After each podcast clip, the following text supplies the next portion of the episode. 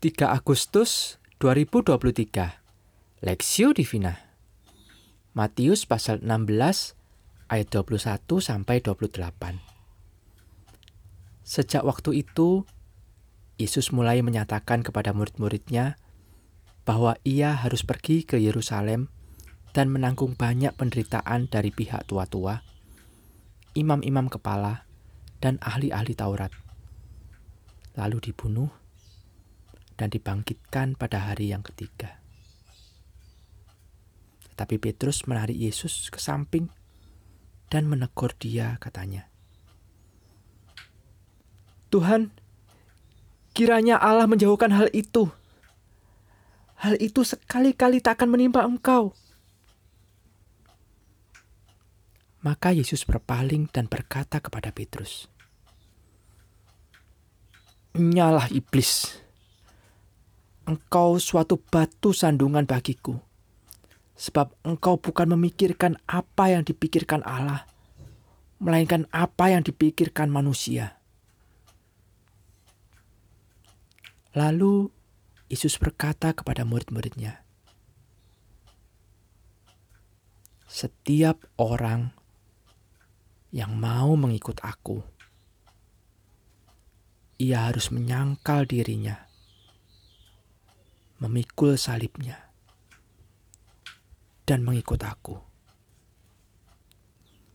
Karena barang siapa mau menyelamatkan nyawanya, ia akan kehilangan nyawanya. Tetapi barang siapa kehilangan nyawanya karena aku, ia akan memperolehnya. Apa gunanya seorang memperoleh seluruh dunia tetapi kehilangan nyawanya? Dan apakah yang dapat diberikannya sebagai ganti nyawanya? Sebab anak manusia akan datang dalam kemuliaan Bapaknya, diiringi malaikat-malaikatnya. Pada waktu itu, ia akan membalas setiap orang menurut perbuatannya. Aku berkata kepadamu, sesungguhnya di antara orang yang hadir di sini, ada yang tidak akan mati sebelum mereka melihat anak manusia datang sebagai raja dalam kerajaannya.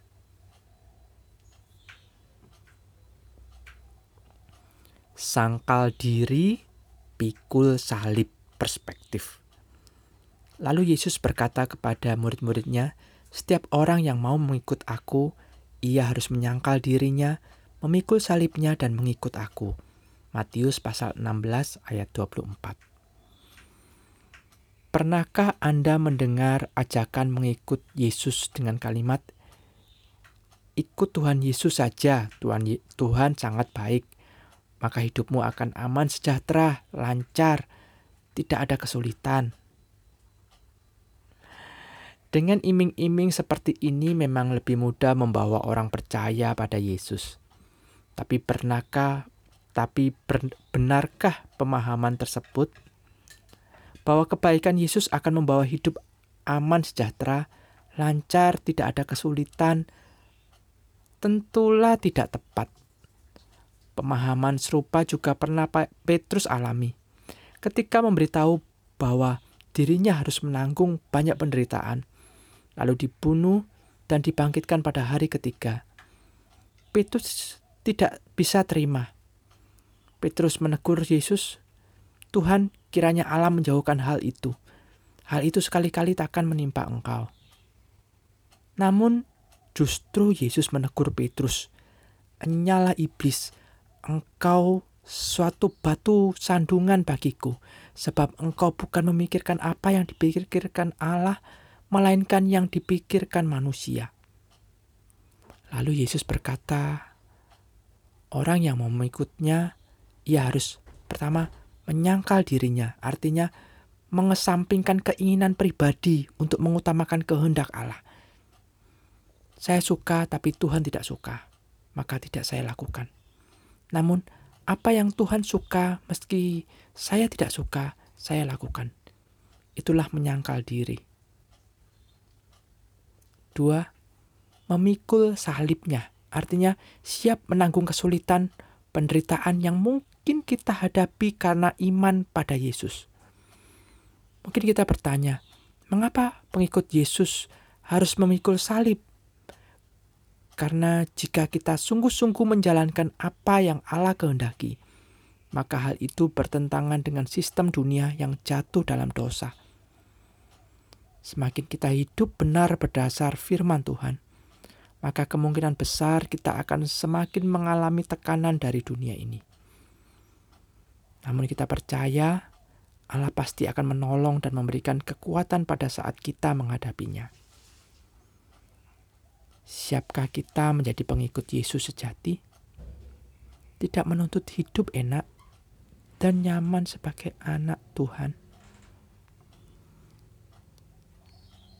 Sebagai murid Yesus, fokus hidup kita bukan menyenangkan diri kita, namun kehendak Allah. Ketika kita belajar menyangkal diri dan memikul salib, kita mengalami pertumbuhan rohani lebih dalam dan karakter kita semakin serupa dengan Kristus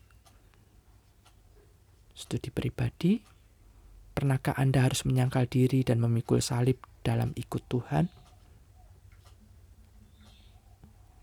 Bagaimana respon Anda dalam proses pembentukan Tuhan? Pokok doa, berdoalah agar setiap anak Tuhan boleh siap dan setia menjadi pengikut Yesus yang sejati.